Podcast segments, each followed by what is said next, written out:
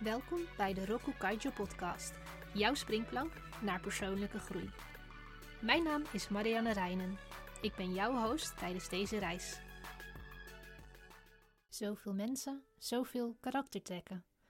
In een organisatie heb je al snel te maken met een complex geheel van menselijke dynamieken. Hoe goed we ons best ook doen, conflicten kunnen altijd voorkomen. Dit speelt vooral als er sprake is van stress op de werkvloer of van een dreiging, of het nu op persoonlijk of collectief vlak is.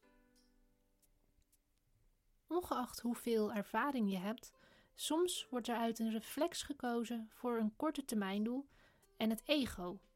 Zoiets als ik moet mijn gelijk bewijzen, in plaats van het lange termijndoel en de collegialiteit. Zoals we moeten hier als team door groeien. Dit kan tot conflicten leiden.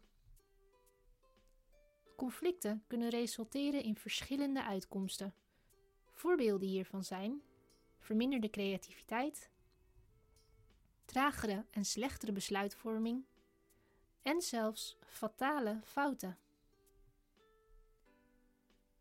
Hoe kunnen we op een constructieve manier met conflictsituaties omgaan? Deze aflevering zoomen we in op conflictmanagement op werk. We gaan daarbij voor een directe benadering en praktische tips waar je indien nodig direct mee aan de slag kunt. Daarbij is mijn uitgangspunt het werk van Amy Gallo, contributing editor bij Harvard Business Review. We bespreken vandaag de eerste drie van in totaal zeven principes om op een constructieve manier met conflict situaties om te gaan. 1. Zie in dat jouw visie niet de enige mogelijkheid is. Elk van ons heeft een eigen standpunt over uiteenlopende onderwerpen. Elk van ons heeft specifieke waarden. Wat voor de een oké is, is voor de ander wellicht not done.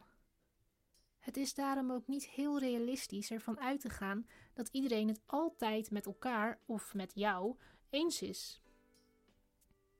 Interessant is dat wanneer er zulke meningsverschillen zijn, veel mensen denken dat zij zelf heel objectief en correct naar de situatie kijken.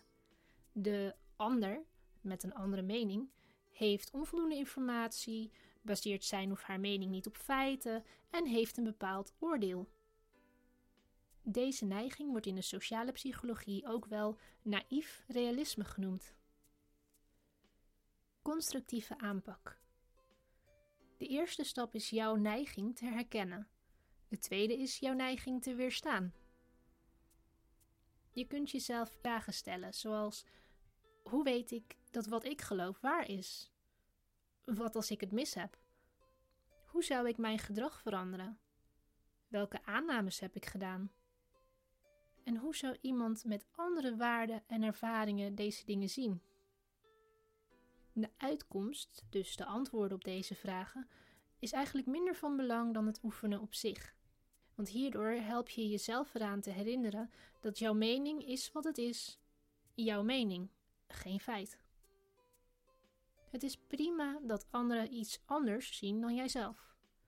Focus op wat er in de toekomst nodig is, wat er moet gebeuren, in plaats van blijven hangen in de discussie wie gelijk heeft. 2. Analyseer jouw eigen onbewuste vooroordelen. Hoe goed je ook je best doet om zo onbevooroordeeld mogelijk op je werkplek te verschijnen, vooroordelen sluipen vaak alsnog in. Een veel voorkomende oorzaak waardoor conflicten ontstaan is het invullen voor een ander. Door iets toe te schrijven aan iemands persoonlijkheid in plaats van externe omstandigheden. Een voorbeeld. Jouw collega komt te laat voor een gezamenlijke afspraak. Jij koppelt dat aan het feit dat deze persoon moeite heeft met plannen en respectloos is als het gaat om de tijd van anderen. Terwijl jij zelf in dezelfde situatie zou kijken naar de werkelijke omstandigheden die hebben geleid tot het te laat komen.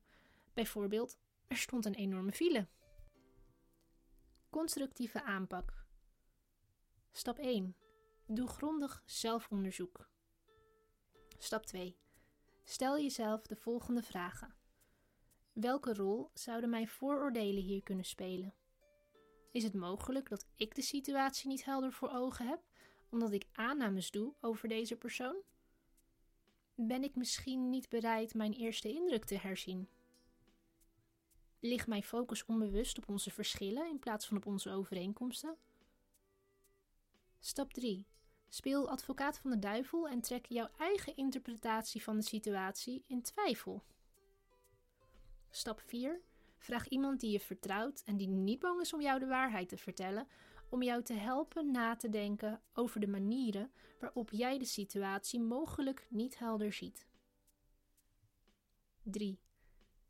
Zie het conflict niet als ik versus de ander, maar als een probleem dat je gezamenlijk moet aanpakken. Het is iets natuurlijks en het gaat heel makkelijk denken in ik tegen jou, wij tegen zij. Eén iemand is lastig, de ander niet. Eén iemand heeft gelijk, de ander niet, etc. Constructieve aanpak. Ga niet uit van twee, jij en je collega, maar van drie spelers in een situatie.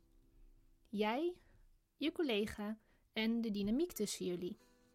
De dynamiek kun je invullen. Het kan specifiek zijn, zoals een beslissing die genomen moet worden of een opdracht die je gezamenlijk moet uitvoeren. Het kan ook algemeen zijn.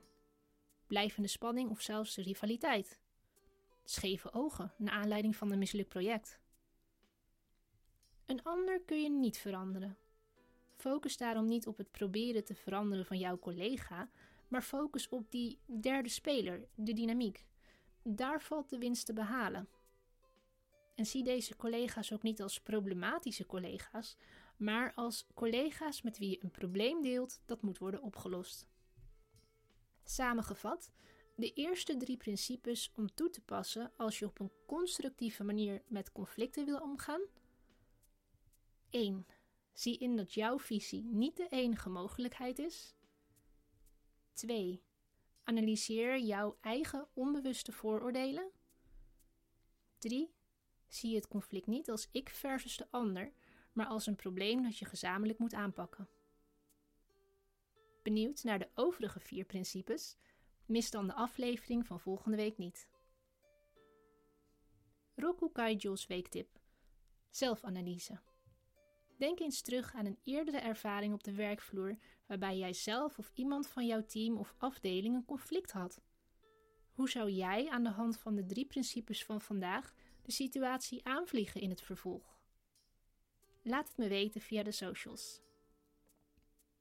Bedankt voor het luisteren naar de Roku Kaijo podcast. Schakel elke donderdag in voor een nieuwe aflevering. Meer informatie en het laatste nieuws vind je op de website roku-kaijo.com.